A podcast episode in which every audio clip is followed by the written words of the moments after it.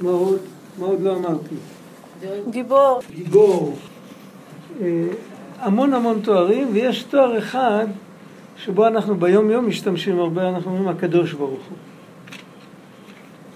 המושג של קדושה הוא בשונה מכל יתר התוארים, שהוא מושג שלילי. כשאני מקדיש משהו, אז אני נפרד ממנו, נכון? אני מקדיש משהו לטובת איקס, אז אני נפרד מזה, אני נותן את זה, זה כבר לא שלי יותר. כשאני אומר על משהו שהוא קדוש, אני אומר על משהו שהוא לא מובן. נבדל, הוא נבדל. מובדל, הוא לא מובן. הוא יכול להיות מובדל לרעה, אבל הוא יכול גם להיות מובדל לטובה, הוא, הוא לא מובן. אני לא יודע מול מה אני עומד כשאני אומר, זה קדוש, אני בא לבטא את החוסר ידיעה שלי, את החוסר... לי שקדשה... ביתר התוארים, לא שמעתי? קדשה, אני חושב שזה... זה גם, זה מובדל לרעה. זה כאילו, זה דבר שאני, אל תיגע בו כי קידשתיך. קודש זה דבר שאני לא נוגע בו או בגלל שהוא גבוה מדי או בגלל שהוא נמוך מדי. וזה בתחום הפיזי. בתחום הרוחני זה גם אותו דבר. או שזה מחוץ לתחום כלפי מטה, או שזה מחוץ לתחום כלפי מעלה, ואין אין לי, אין לי שום אמירה לומר עליו. לא בדיבור ולא במחשבה. יתר התוארים אנחנו מכירים. מה זה חוכמה אנחנו יודעים, נדמה לנו, לא משנה. אנחנו יודעים פחות או יותר מה זה חוכמה. כמובן שכשאומרים עליו שהוא חכם זה אחרת לגמרי ממה שאנחנו אומרים על, על, על מישהו אחר שהוא חכם, אבל בכל אופן יש לנו מושג, עצם המושג חוכמה הוא מושג שאפשר לומר עליו משהו. יש לו, יש לו גם הפך. אתה אומר חכם, אתה אומר שהוא לא טיפש, כן? אתה אומר טוב, אתה אומר שהוא לא רע. קודש, ההפוך מקודש, זה, אנחנו אומרים חול, אבל בעצם חול זה חולין, חול, זה לא, זה כאילו רוצים להגיד זה לא קדוש, אין לנו מילה אחרת, אז אומרים זה לא קדוש. אז משתמשים, במקום להגיד מילה ארוכה כזאת זה לא קדוש, אומרים זה חול. אבל בעצם אין לנו אנטי תזה בגלל שזה גם לא תזה, זה דבר שהוא מובדל מאיתנו. עכשיו, מה, מה מתחבא? זה מה שהמהר"ל מסביר, והוא אומר שבאמת חז"ל לא, לא, לא אמרו השכל ברוך הוא, אמרו הקדוש ברוך הוא. אצל הקדוש ברוך הוא השכל והאבנים זה אותו דבר, בערך זה מה שהוא אומר שם. הוא ברא, הוא ברא את זה והוא ברא את זה. מה הוא כן, הוא קדוש, אנחנו לא יודעים מה הוא. עכשיו, מה מתחבא מאחורי האמירה הזאת? מתחבא מזה האמונה שהאלוקים יצר לא רק את הדברים, אלא גם את המושגים. ברור מה שאמרתי עכשיו? ולא רק את המושגים, אלא גם את המושגיות, וגם את הערכים, וגם את הערכיות. את, את המושגים עצמם, אם נגיד אנחנו מדברים על מושג שנקרא נמצא, לא נמצא. בצורה כזאת, אה, כל הוויכוחים שיש בין האתאיסטים למאמינים, אם יש אלוקים או אין אלוקים, הם מדברים במושגים והם רוצים לדחוף את האלוקים לאחד מהמושגים שלהם. אמר לנו פעם אחד מהמורים שלנו, הוא אמר למה הדבר דומה, הוא אמר שני אנשים עומדים ברחוב, אחד צועק שיש אלוקים, אחד צועק שאין אלוקים. אז הוא אמר שזה, הוא ראה פעם דבר כזה, מה שזה הזכיר לו, הוא אמר ששני אנשים יעמדו ברחוב ויתווכחו אם שתיים ושתיים זה ארבע אחד יגיד ששתיים ושתיים זה ארבע, ואחד יגיד ששתיים ושתיים זה לא ארבע. אז הוא אומר, הם שניהם טיפשים. זה שאומר ששתיים ועוד שתיים זה ארבע הוא גם טיפש, הוא אמר שתיים ועוד שתיים, מה הוא צריך להגיד יותר? הוא צריך להגיד שזה ארבע. בסדר, זה לא ארבע, תגיד, תישאר שזה שתיים ועוד שתיים, הנה תספור, שתיים, שתיים. אל תקרא לזה ארבע, כן תקרא לזה ארבע, זה תמיד יהיה ארבע. זה שאומר שזה לא ארבע הוא ודאי טיפש. אז גם זה שאומר שזה ארבע, מה הוא בא, מה יש באמירה הזאת? זה כל כך טריוויאלי שאין מה לדבר עליה. אם הוא עומד בלהט, ככל שהוא מתלהט יותר, מתלהב יותר ויותר צועק ששתיים ושתיים זה ארבע, אז רחמנות יותר גדולה עליו. ככה טען אותו מורה. ו- והוא אמר אותו דבר, הוא אמר כאן, אנחנו יכולים להתווכח על מציאות, מעבר לקיר יש שולחן או אין שולחן? לא יודע. יכול להיות שיש, יכול להיות שאין. אני אומר שיש, אתה אומר שאין. עכשיו באמצע יבוא איזה ליצן ויסחוב משם את השולחן. אז אני הופך להיות לא צודק ואתה הופך להיות צודק. קודם אני הייתי צודק ואתה היית לא צודק. זאת אומרת, בעיקרון כולם צודקים. למעשה אחד צודק. ברגע שהשתנה המצב, בוויכוח אי אפשר להחליט. אבל הוויכוח שבין האתאיסטים לבין המאמינים הוא ויכוח מסוג אחר. כי זה יכול להיות מאמין פרימיטיבי שהוא רואה את האלוקים כתופעה מסוימת שקוראים לה אלוקים, איתו אפשר להתווכח. אתה אומר שקיימת תופעה כזאת, אני אומר שלא קיים תופעה כזאת. כן, אחד יגיד שיש מקום בעולם שרואים את הירח בתחילת החודש שהבננה היא הפוכה עם, ה... עם, ה... עם הצד השחור לשמש. כי זה לא יכול להיות, אסטרונומית זה לא יכול להיות. יבוא מישהו ויגיד שיש בזה, איזה עיוות אופטי באיזה מקום בעולם וככה רואים את זה. יכול להיות נכון, יכול להיות לא נכון, אני לא מתווכח. אבל כשבן אדם, כי זו תופעה, תופעה אפשר להכחיש ואפשר לאשר. אבל אם יבואו לבן אדם נגיד ויגידו לו, תשמע, אני רוצה הוכחה שאתה אדם ישר, אני רוצה הוכחה שאתה מחזיר הלוואות, אני רוצה הוכחה שיש לך בגרות, אני רוצה גם הוכחה שלא החליפו אותך היום בלילה, מתי שישנת. מה דעתכם על הדבר הרביעי? כן, בסדר, ברגע שהוא שומע את הדבר הרביעי הוא מבין שזה הצגה. מישהו, מישהו החליט להתבדח, שירב לו. מדוע זה לא ניתן לוויכוח? אם יבוא אליי מישהו ויגיד לי, תגיד לי, החליפו אותך בלילה? למה זה לא ניתן לוויכוח? כי המושג שאני זה אני, זה לא עוד מושג. זה מה שיוצר אצלי את כל המערכות ואת כל המושגים. זה הפלס שאיתו אני בודק את הכל. זה לא עוד מושג, זה שדה התודעה שלי שבתוך זה מסודרים בסדר כזה ואחר כל התופעות. עכשיו, אם מתייחסים לאני כאל נקודה, עוד נקודה בשדה התודעה, מי זה שדה התודעה הזה? זה מישהו אחר. זה ברור, אז זה לא יכול להיות. שאלה כזאת נפסלת על הסף. אותו דבר אצל המאמין, מאמין אמיתי, לא מאמין פרימיטיבי שמחפש איזה, איזה דמות או איזה... או משהו ויזואלי או משהו מנטלי או משהו רגשי או משהו... אחד שמחק כבר את כל הדמויות האלה והוא מאמין באמת באלוקים. הוא יודע שהאלוקים זה הדבר, הדבר, עוד פעם, דבר זה מילה פסולה זה האני שקודם לכל נמצא הוא יצר את הכל, הוא יצר את המושגים, הוא יצר את החיפוש, הוא יצר את הוויכוח, והוא יצר את המושג כן להיות ולא להיות. אם, אם אנחנו באים לשפוט אותו לפי המושגים האלה, זה כמו שאנחנו באים לשפוט את עצמי, האם אם, אם, אם לא החליפו אותי בלילה, אותו דבר. האני של כל העניים, אי אפשר להגיד אני בלשון רבים. למה בעברית אי אפשר להגיד אני בלשון רבים? בגלל שיש רק אני אחד, ואני האחד הזה, זה אני השם אלוקיכם. ואנחנו, כל אחד מאיתנו, זה, זה, זה השבירת הכלים, זה הצמצום, זה הירידה, שכל אחד מרגיש את עצמו נפרד, וזה בסדר גמור, ככה נברא העולם, שכל אחד ירגיש את עצמו נפרד, ושתהיה לו בחירה חופשית, ושהוא יוכל לעשות מה שהוא רוצה.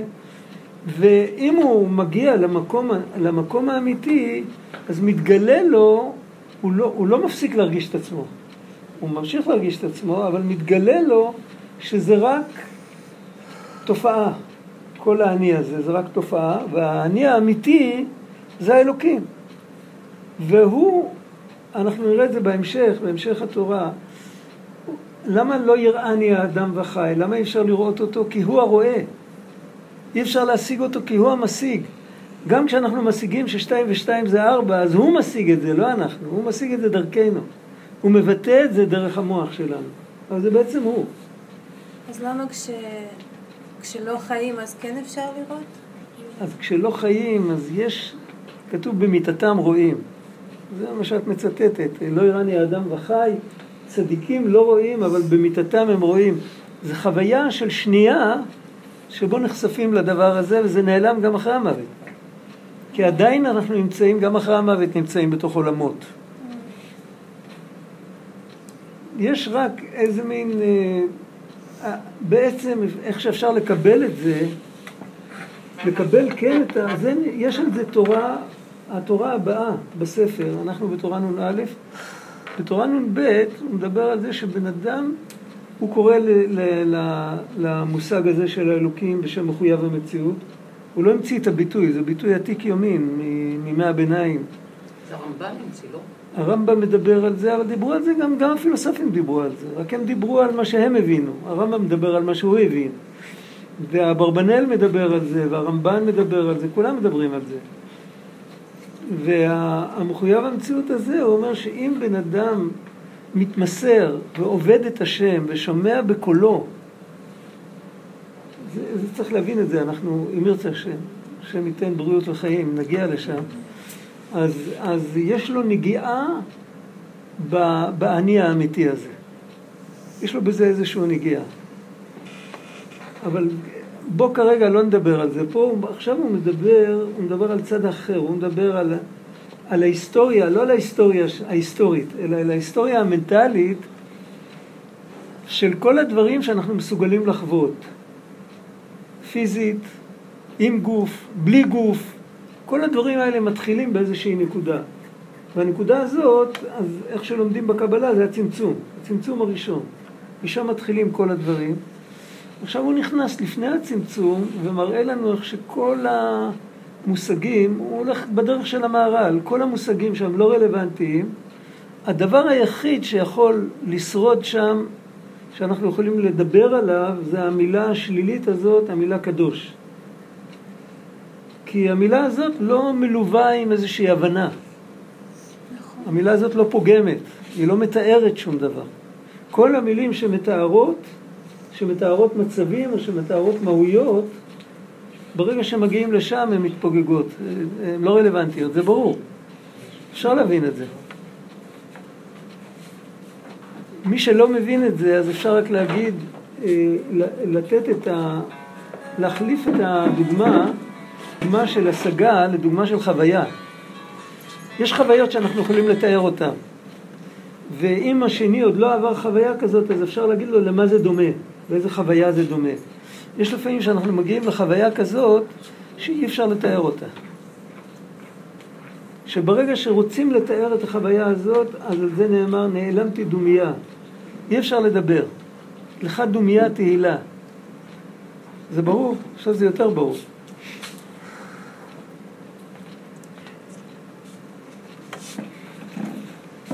וככה הוא כותב,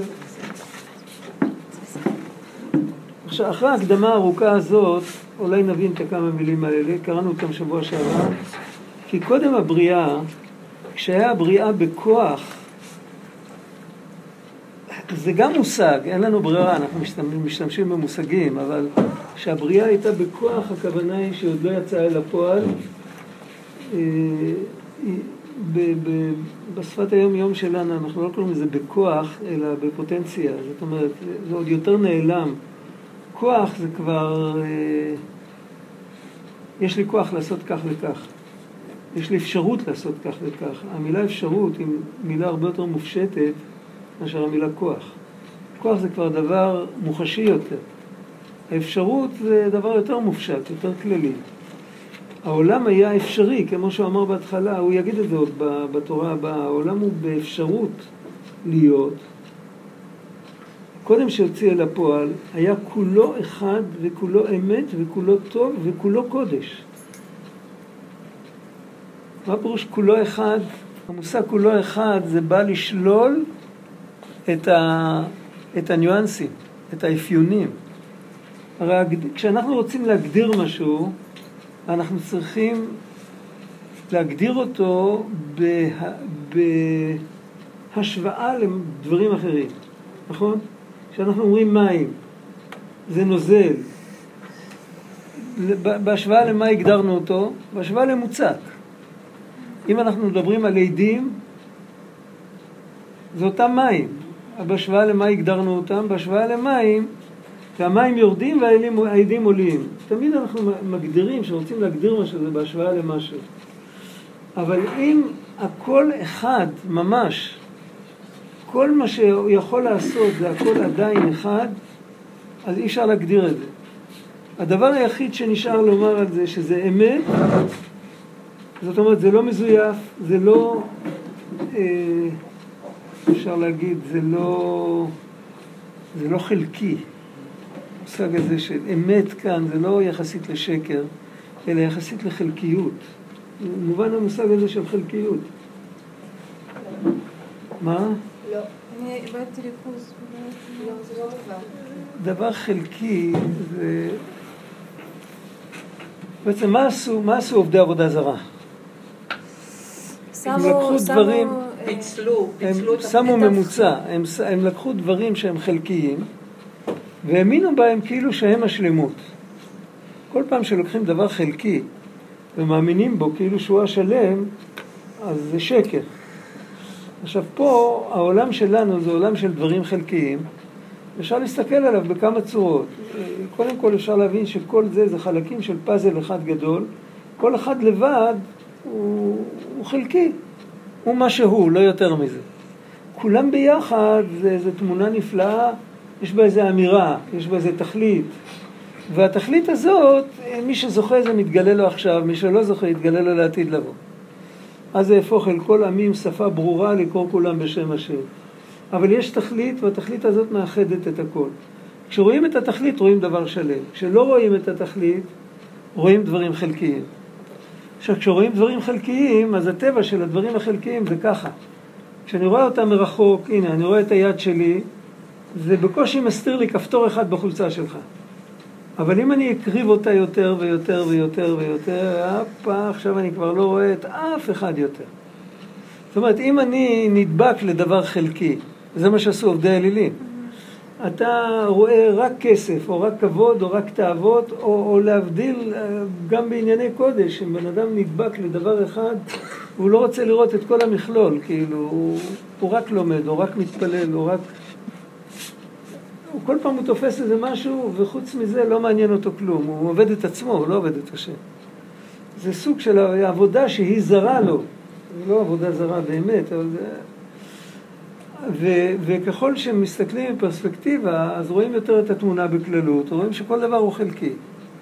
עכשיו, אותו דבר בשורש, כשמסתכלים בשורש, בשורש זה הסיבה שבגללה יש את כל, את כל הדברים הנפרדים האלה. בגללה יש גם מים וגם אדמה וגם אוויר וגם אש, וגם כל אחד מתחלק עוד להמון המון דברים, ויש דומם ויש צומח ויש חי ויש מדבר ויש מדברים חכמים ויש מדברים פחות ויש כאלה שמדברים פחות. יש כל מיני. ומה יש תמיד איזה נקודה ובנקודה הזאת כולם נמצאים יחד איך שזה מתבטא, איך שהנקודה הזאת מתגלה אז כל אחד מבטא חלק זה כמו שיש לבן אדם רעיון והוא כותב על זה ספר הרעיון הוא רעיון אחד בספר יכול להיות אלף דפים, ובכל דף יש רק חלק מהרעיון. ואנחנו, אם הבנו את כל הספר, הגענו לרעיון. אבל מי שהיה לו את הרעיון לפני שהוא התחיל לכתוב את הספר, הוא לא צריך את הספר. יש לו כבר את הרעיון. ברעיון כל הדפים של הספר נמצאים ביחד. הם לא, זה ברור. ברעיון של העולם, כל העולם הוא אחד, והכל קדוש, זה למעלה מההשגה שלנו, לכן זה נקרא קדוש. ואז הוא ממשיך, אפילו שם טהור לא היה שייך לומר. טהור זה כבר מושג. מה זה טהור? זה לא. טהרה זה ניקיון. למה צריך לדבר על ניקיון? או יותר נכון, היכן צריך לדבר? איפה צריך לדבר על ניקיון? ערב טוב. איפה צריך לדבר על ניקיון? מקום מלוכלך. במקום שיש בו... איפה שיכול להיות משהו לא נקי, שם צריך לדבר על ניקיון. מה זה הדבר הלא נקי הזה? הדבר הלא נקי הזה זה עצם הריחוק. זה אנחנו נראה עוד פעם, התורה הבאה זה המשך של התורה הזאת. זה כמו עוד פרק של אותו דבר. הריחוק, תחושת הריחוק, אין ריחוק אמיתי. מלוך הארץ כבודו. תחושת הריחוק, והתחושה הזאת שנותנת לנו אה, כמו להתחבות מתחת לסינור של האימא ולעשות מה שרוצים, מוכר? כאילו פה אף אחד לא רואה אותנו. התחושה הזאת היא יוצרת את, ה, את הלא נקי.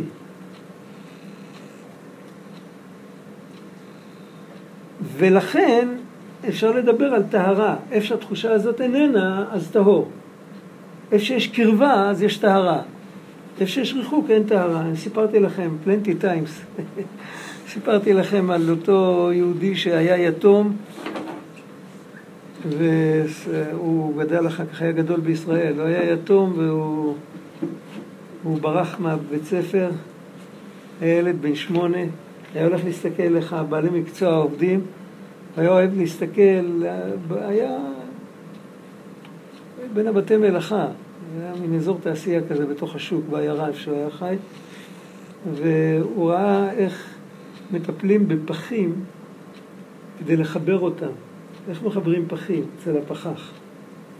היום בקושי עוד זוכרים שיש מקצוע כזה. אז uh, יש הלחמה של בדיל. ו... אבל כשמחברים את הקצוות של הפח עם בדיל, הפח צריך שיהיה נקי, בלי חלודה, בלי גריז, בלי צבע. אז היה כלי ניקוי מיוחדים בשביל לנקות, ואז היו, אז היה עומד ומסתכל, הוא סיפר את זה כשהוא היה מאוד זקן כבר, הוא אמר, בגיל שמונה הבנתי שאיפה שאין ניקיון אין חיבור. איפה שזה לא נקי זה לא מתחבר באמת. זה טרמפ, זה לא חיבור. זה לא... כל אחד רוצה את האינטרסים שלו, אין חיבור. עכשיו, הניקיון הזה מאפשר לנו, יש כאן ישר והפוך. התחושה של הריחוק מהשם היא גם אחראית על הלכלוך, והלכלוך מצידו אחראי על תחושה של עוד יותר ריחוק. זה מין מעגל קסמים שלילי כזה.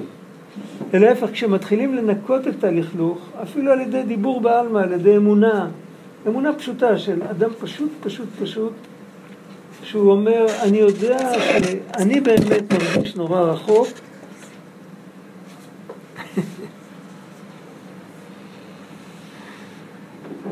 אני יודע שאני מרגיש רחוק, אבל אני יודע, אני בטוח שאני לא יכול להיות רחוק. זה כמו להגיד שאני רחוק מעצמי. יש חוויה שבן אדם רחוק מעצמו, אבל אחרי הכל זה רק חוויה. הוא לא באמת רחוק מעצמו, הוא לא יכול להיות רחוק מעצמו. כמו שבן אדם לא יכול לברוח מעצמו. הרבה פעמים בן אדם בורח מעצמו, פסיכולוגית, אבל הוא לא באמת יכול לברוח מעצמו. זה ברור. אז ממילא, אם הוא אומר את זה, הוא אומר, ריבונו של עולם, אה, איך כתוב בתהילים, אנא אלך מרוחך ואנא מפניך אברח, אם אשק שמיים שם אתה, והציע שאול הינקה. איפה שאני לא אחפש אותך אתה נמצא, איפה שאני אברח אתה נמצא. אז הוא מוריד חלק מהלכלוך, הוא, הוא מנקה שמשה, הוא מוריד חלק מה, מהדבר שמסתיר, ואז הוא מתקרב. וכשהוא מתקרב, אז הוא מקבל חוויה יותר גדולה של קירוב, ויותר טהרה יותר גדולה. כל הזמן אנחנו על הציר הזה של להיות יותר טהורים ופחות טהורים. יש לנו עלויות וירידות, ואנחנו צריכים לראות שאנחנו יורדים שלא ניפול, כי ייפול לא יוטל. איך אומרים? נפלת, אל תמשיך לשכב שם. תקום. שבע יפול. שבע יפול צדיק וקם. שבע יפול צדיק וקם. מזה שנשארים בתוך הבוץ לא מרוויחים שום דבר. זה פחות או יותר, אבל זה נקרא טהרה, זה עבודה של טהרה. אחת מהמדרגות של המסילת ישרים, יש שם סקאלה. אחת מהמדרגות זה טהרה. מדרגה גבוהה מאוד, אבל זה עדיין מדרגה. ושם, בראשית הבריאה, כשהבריאה עדיין בכוח, לא שייך לדבר על, על המושג טהרה. אין לי גם. היום אין לאנשים יותר, שייך להיסטוריה. כי טהור אין שייך אלא כשיש טומאה, כמו שכתוב, וטהרתם מכל טומאותיכם. אבל כשכולו אחד, אין שם מבחינת חשבונות רבים, שהוא עיקר הרע והטומאה, אין את הריחוק. הריחוק מאפשר לנו לחוש התפצלות. אני לא אתה, אתה לא אני, אנחנו יכולים להפנות עורף אחד לשני, זה הכל בא מהריחוק מהאחד. אם, אם כולנו היינו מרגישים את האחד יחיד ומיוחד עמוק בלב, היינו מרגישים כמו איברים של, אה, של גוף אחד. איך אמר אה, מי ששמע את השם הזה? ליאונרדו דה וינצ'י, מוכר? היסטוריה של רנסאנס. הוא אמר, תראו, רואים זה מתאים, אבל תנסו להחליף כפפה מיד ליד, זה לא הולך. יש לכל אחד את הכישרונות שלו ולכל אחד את הייחודיות שלו, ואף על פי כן זה יכול להתאים. לא צריך לוותר על, ה... על, על מה שכל אחד הוא אחרת. אין שום צורך. לא צריך אחידות, צריך אחדות. אחידות זה מילה שלילית. שכולם צריכים, אה, שהולכים חיילים, הולכים שמאל-ימין.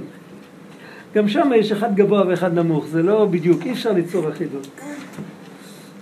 ואין שני עלים על עץ שהם אותו דבר. מבריאת העולם עד היום עוד לא היו שני עלים על העץ שהם אותו דבר. יש לזה הסבר על פי קבלה. יש שלכל אחד יש חיות אחרת. והשם לא עושה דבר אחד פעמיים. רבנו אמר, השם לא עושה דבר אחד פעמיים. אוקיי. ולכל אחד יש את הנפש שלו ואת הייחודיות שלו. בסדר, אני לא זוכר, לא שוכח. לכל אחד יש את הייחודיות שלו, ואף על פי כן אפשר לראות דרך כולם את האחד. בין בני אדם זה יותר קשה כי כל אחד תפוס עם האגו שלו. אם אנחנו כולנו טהורים, זאת אומרת כולנו מתקרבים במקסימום כמה שאפשר בזמן הזה, עוד לא הגיע אחרית הימים, כמה שאפשר בזמן הזה להכניס את הנוכחות של השם בלב שלנו, ככה אנחנו יותר מקבלים ויותר סובלים את, ה, את הבן אדם האחר. אנחנו פחות, אה, איך כתוב כאן? אין את החשבונות הרבים. הוא, הוא מתייחס ל... איך מכבים את זה? מישהו יודע? כבר לא זוכר. אה, זה נלחץ, נדלק, זה דוקר בעיניים. אה, הוא מביא את הפסוק, האלוקים עשה את האדם ישר, תודה. אחר כך תסביר לי איך עשית את זה. האלוקים עשה את האדם ישר, זה כתוב בקהלת, האלוקים עשה את האדם ישר והמה ביקשו חשבונות רבים. כשיש שניים, המה, אז כבר כל אחד תופס טיפה אחרת ומתחילים להתווכח, אז מתחילים ההתחשבנויות. יודעים מה זה התחשבנות? זה כבר המניפולציות, אז זה הכדאי לי, הלא כדאי לי, זה שם זה מתחיל. מה רצית? אה, זה לא ממש אבל בנושא. אה? זה לא ממש בנושא, אבל... טוב, אז לא. אחר כך, בסוף. אין בעיה, אין בעיה. בוקרה. סנהרון עם בוקרה, עם בוקרה. מחר בבוקר. לא, לא, אני לא, אני לא דוחה אותך. לא, הכל בסדר. נדבר אחר כך.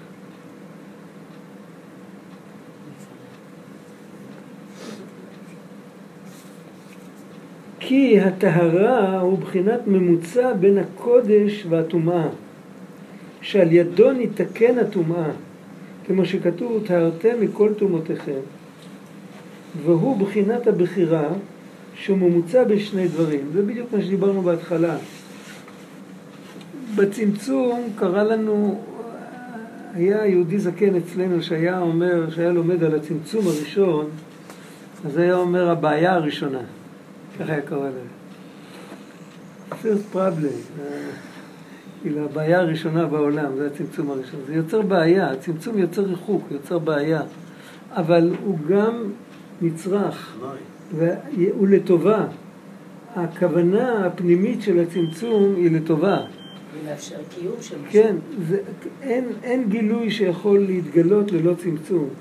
והגילוי של כל העולם ומלואו עולם חסד ייבנה, זה חסד נפלא שנתנו לנו, שאנחנו נבראים קטנים ונפרדים ו- ועם כל ה... לעשות עבודה ולקבל את הטוב בזכות ולא בחסד ולא ב... לא בחינם, לא על מגע של כסף. זו טובה גדולה. והדרך לעשות את זה זה הדרך של הטהרה. תכף נראה מה זה אומר. ותארתם מכל תרומותיכם. הוא בחינת הבחירה, שהוא ממוצע בין שני דברים, וזה אין שייך קודם הבריאה. שאז היה כולו אחד, כי באחד אין שייך בחירה שהוא מבחינת הטהרה. בפשטות אפשר לקרוא כאן שבאחד לא שייך בחירה, בגלל שיש לי רק אחד, אז אני חייב לבחור בו. צריך לבחור, צריך שניים, זה לא הכוונה. באחד אין בחירה כי אין בוחר. כשיש רק את האחד, אז אין מי שיבחר כי רק הוא נמצא.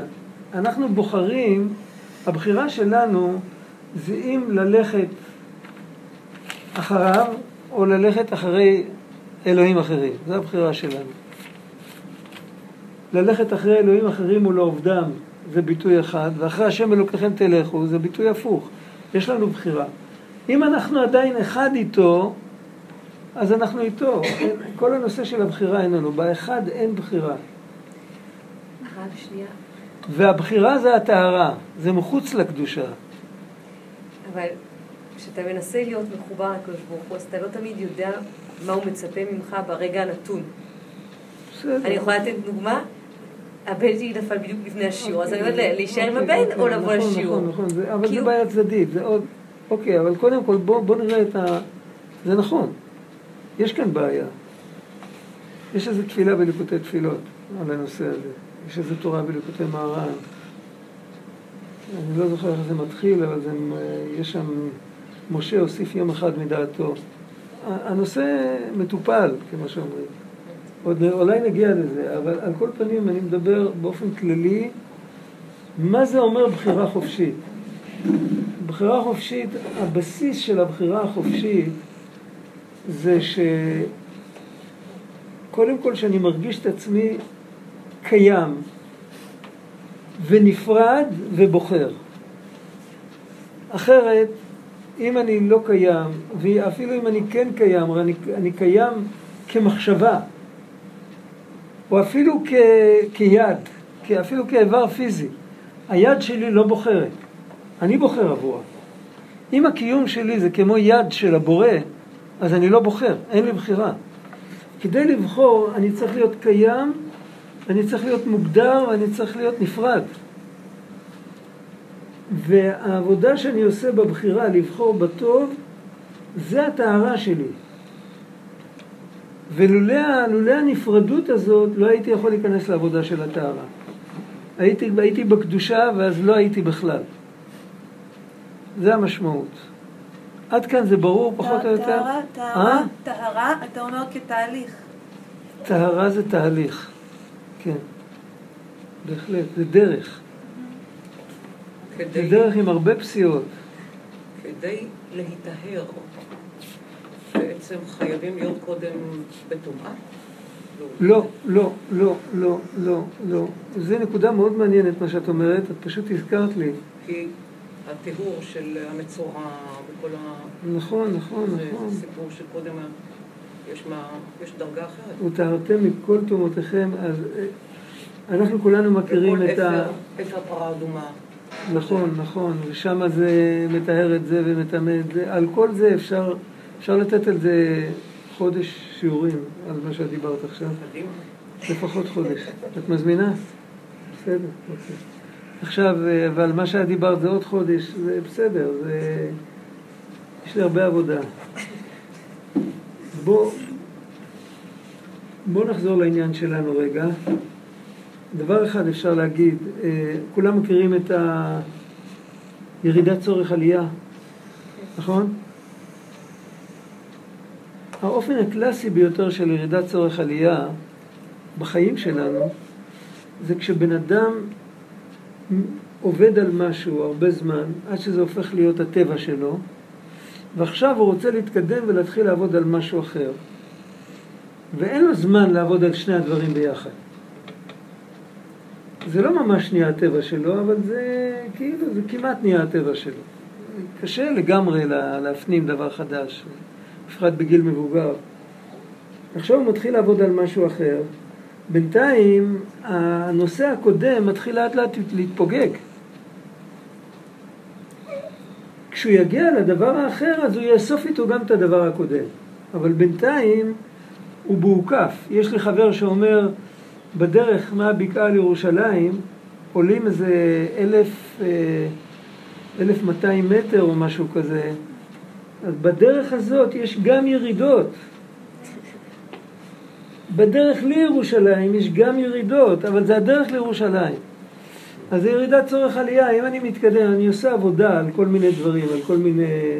זה יכול להיות תרגול, זה יכול להיות התבוננות, זה יכול להיות כל מיני דברים, ודוגמאות אפשר לתת ככל הים, וכל פעם שאני עובד על ב', אז האלף קצת, קצת יורד, כי אני לא מתחזק אותו כל כך. אבל אחר כך כולה, אנחנו נעלה ביחד עם האלף ביחד. זו הדוגמה הקלאסית של ירידת צורך עלייה. בלי לרדת מאלף אני לא יכול לעלות לבית, כי אני כל הזמן אהיה תקוע באלף. אני חייב להיות שם עם כל, ה, עם כל הכישרונות ועם כל הריכוז ועם הכל, אני לא יכול.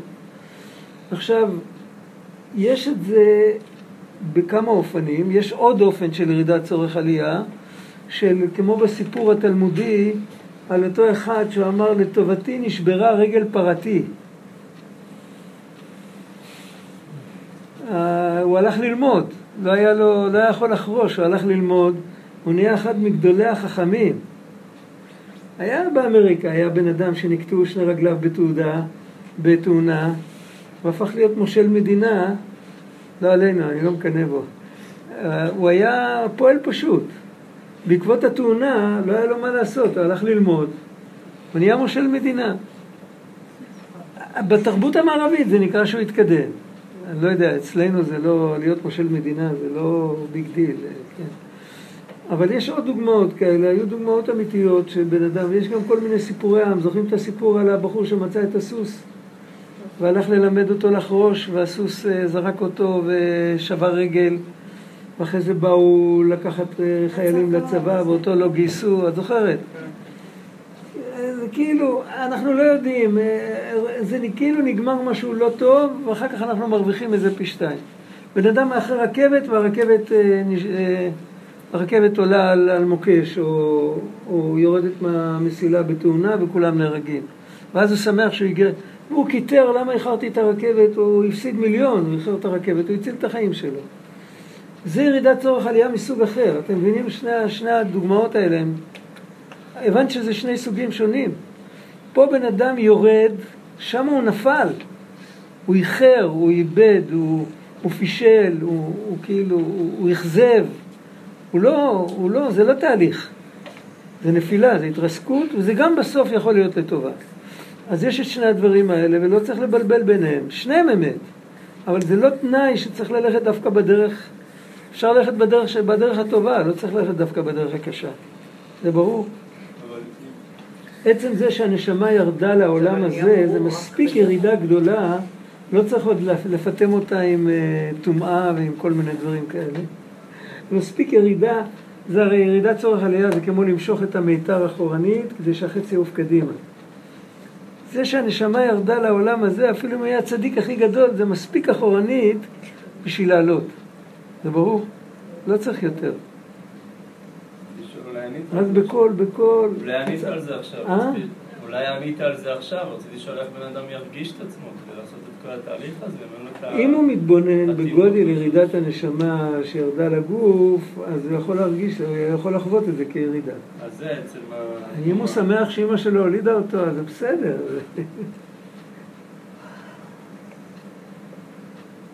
טוב, עכשיו... עדיין אנחנו לא יודעים מה זה אומר טהרה ומה זה אומר, אבל לאט לאט אנחנו נגיע. יש כאן תיאור ארוך של התיאוריה קודם. כשהוציא הקדוש ברוך הוא את הבריאה מן הכוח אל הפועל, אז נתהווה תכף בחינת הטהרה. ביחד עם העולם נוצר גם, כמו שאתה קונה, אתה קונה רכב, בונים לך ווייז בתוך הרכב. יש היום דברים כאלה.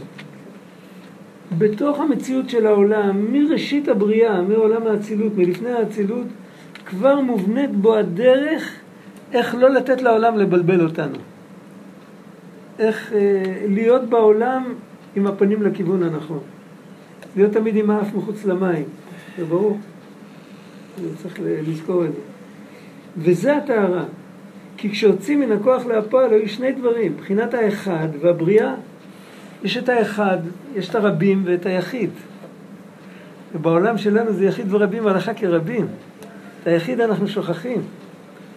זה, זה, אני אומר את זה סתם, בתור... אה, את היחיד אנחנו, יש לנו נטייה לשכוח, את הרבים אנחנו רואים כל הזמן.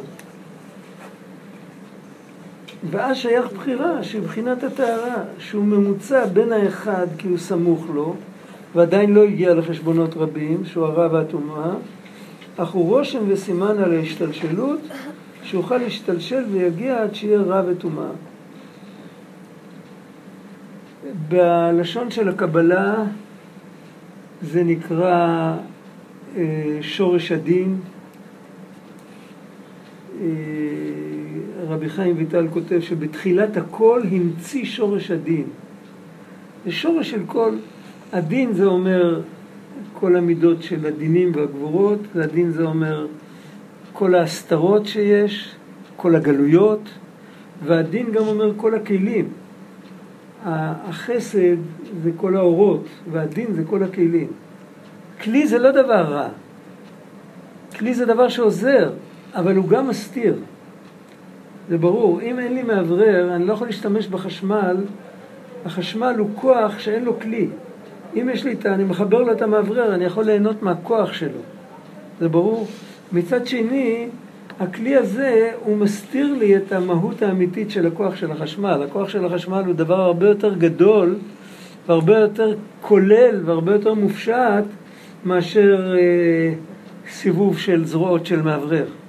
אבל מההתחלה בעצם הייתה שבירת הכלים, לא יכלו להכיל כן, אוקיי, אוקיי, אוקיי. אז אה, פה הוא לא מדבר על זה, הוא מדבר על זה במקומות אחרים, אבל אפשר לדלג על הפרק הזה, זה פרק. אפשר לדלג עליו ולהבין את הכל גם בלי זה. זאת אומרת, כלים נבראו. הם נבראו בהתחלה ככה והם נשברו ועכשיו, אבל עצם זה שיש כלים, אפילו אם הם מתוקנים, זה עדיין לא אותו דבר כמו מתי שהם בפוטנציה. הם, זה כבר צמצום, זה כבר נתינת מקום לעוד משהו. יש בזה המון דרגות, זה לא פשוט בכלל.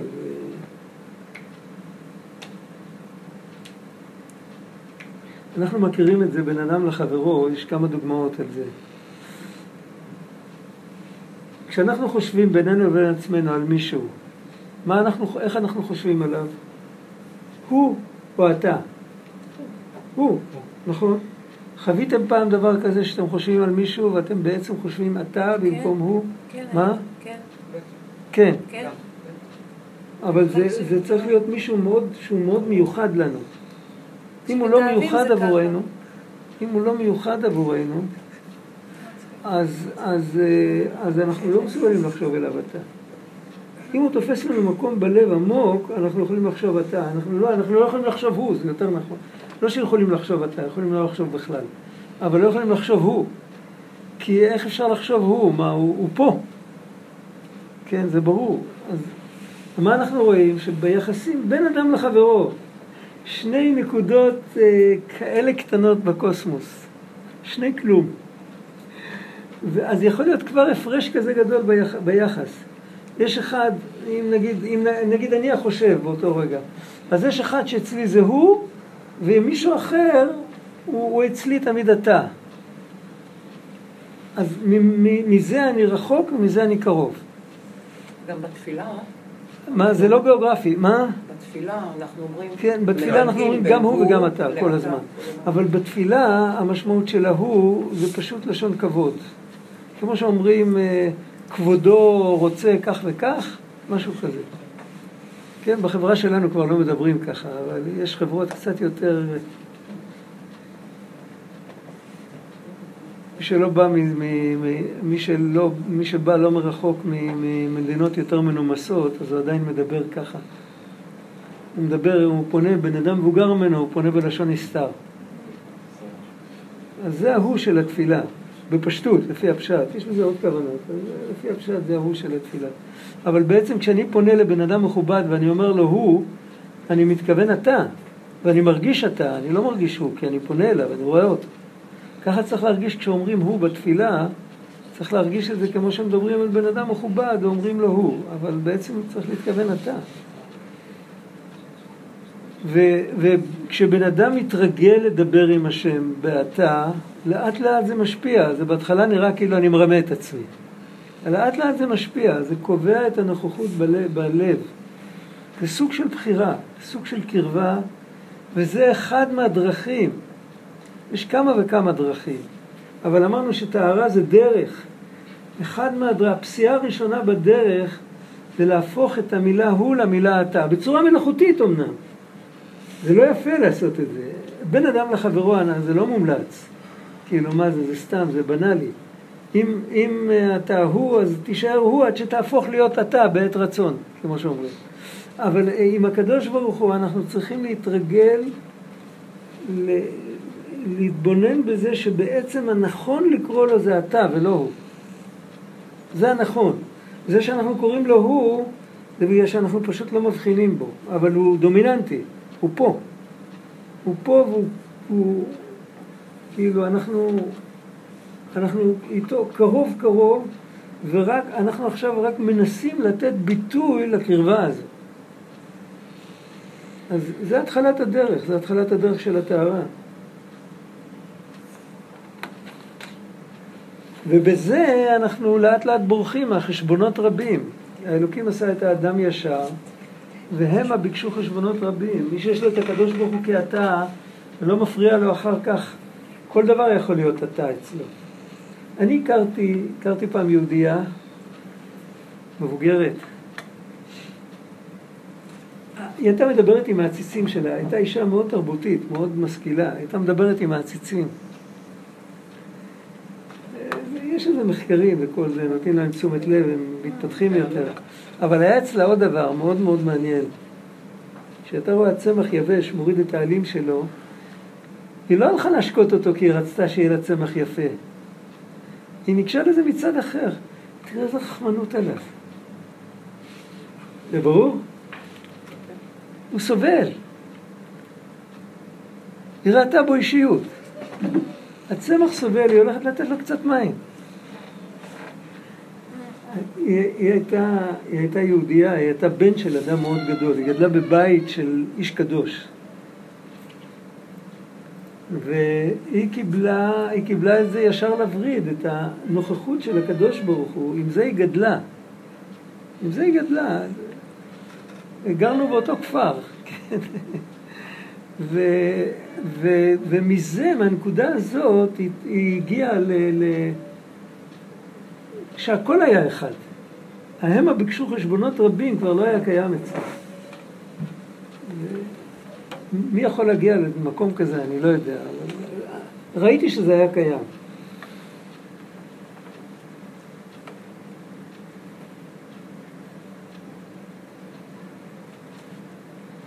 ואז שייך בחירה שהוא בחינת הטהרה, שהוא ממוצע בין האחד, כי הוא סמוך לו, ועדיין לא הגיע לחשבונות רבים, שהוא הרע והטומאה, אך הוא רושם וסימן על ההשתלשלות שיוכל להשתלשל ויגיע עד שיהיה רע וטומאה.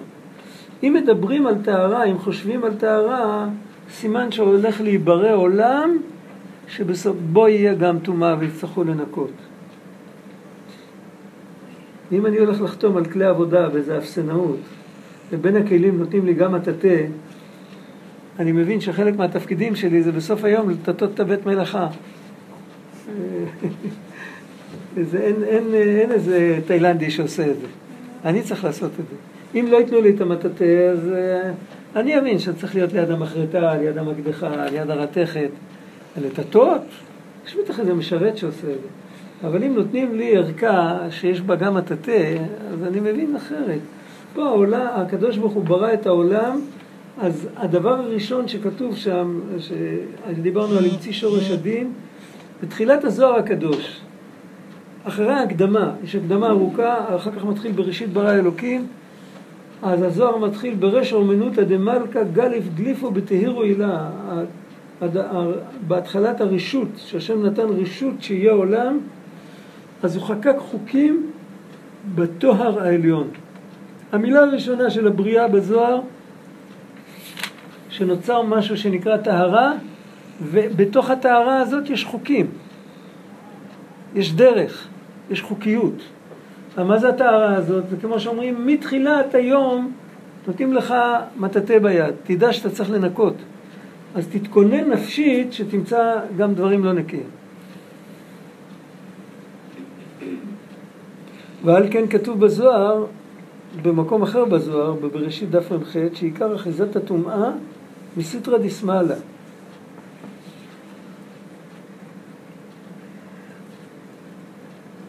מה זה שמאל? באנגלית שמאל זה קטן. שמאל זה פחות כוח והרבה פחות רגש. לפעמים זה בצד הזה של הגוף, אז קוראים לזה שאני שמאלי. אבל המושג שמאל זה לא רק פחות כוח, זה הרבה פחות רגש, הרבה פחות רגישות. תנסו לכתוב ביד שמאל, בשביל לכתוב לא צריך כוח, אבל אין מיומנות ביד שמאל. אז מיומנות זה לא חוכמה, זה לא מילה, זה, זה נלקח מהמילה ימין, אז זה לא נקרא. אבל אין שם רגישות, יש שם הרבה פחות רגש. אפילו פעולות פשוטות, פעולות עם כלי עבודה וכל זה, ביד שמאל לא מרגישים את ה... לא מרגישים את ה... אם אני לוחץ יותר מדי או פחות מדי. כל מיני דברים שצריך רגש, ביד שמאל מרגישים פחות. והמשמעות של זה, זה חוסר רגישות. עכשיו, הרגישות, מאיפה היא מגיעה? זה, זה גם רגישות, גם רגישות לאנשים, גם, זה אותו, זה אותו נקודה. הנקודה של הרגישות, רגישות זה עוד מילה למה שבקבלה קוראים דעת. וזה הלוז של האישיות, ה, כאילו הקו האמצעי, העמוד האמצעי של כל הספירות, של כל האישיות, של כל העולם. זה חכם לב. זה הדעת, הרגישות. הימין והשמאל הם שניהם נמצאים משני הצדדים של הדעת. משני הצדדים של ה... יש לנו פה, הדעת היא פה, והימין והשמאל הם פה. יש את העונה הימנית, את העונה השמאלית, לכן זה נראה הפוך, אבל בסדר.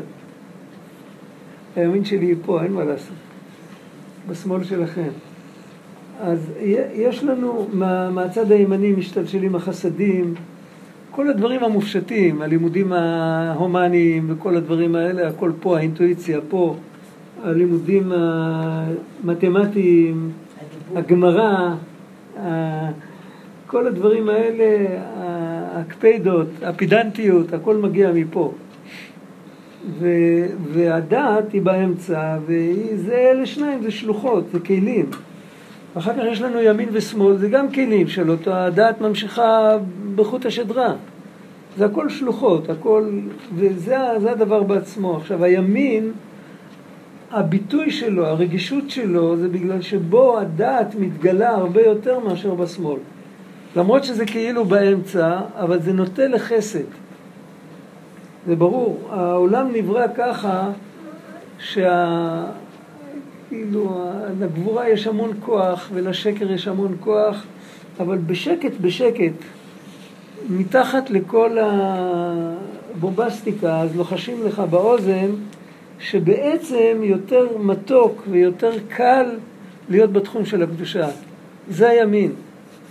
השמאל הוא נראה עוצמתי וגדול ותרבות עשיו. וכל זה, באנגליה נוסעים בצד השמאלי של הכביש קדימה. ובסין היה, לא יודע עוד היום, הרמזור האדום זה הסימן של הקדמה. כן, אז זה, זה השמאל, זה תרבויות של שמאל, רגע, רגע, רגע, זה תרבויות של שמאל, וה, וכל זה, זה נמשך, מה, שם יש העלמה על האלוקים, זה בא ממידת הדין. כל זה בא ממידת הדין, כל זה מתחיל אחרי הצמצום. כמה רוצים לדבר עכשיו? שניים. מי היה קודם? מה רצית? דבר קטן. אה, עוד מעט נגמר הזמן. כן, היא שולטת על הצד השמאלי. אני לא שמעתי. האונה הימנית. אה? העונה הימנית. כן. שולטת על הצד השמאלי, ולהפך. היא מה? אה, לא, זה במוטוריקה. רק במוטוריקה. לא במנטליות. יש, אני יכול להביא לך על זה חומר כתוב, מודפס, על הצדדיות ודו צדדיות וכל זה, יש על זה מחקרים. מבחינה מוטורית זה עובד בהצלבה, אבל מכל יתר הבחינות זה לא עובד בהצלבה. אני אביא לך את זה, בלי נדר, אם אני אמצא את זה.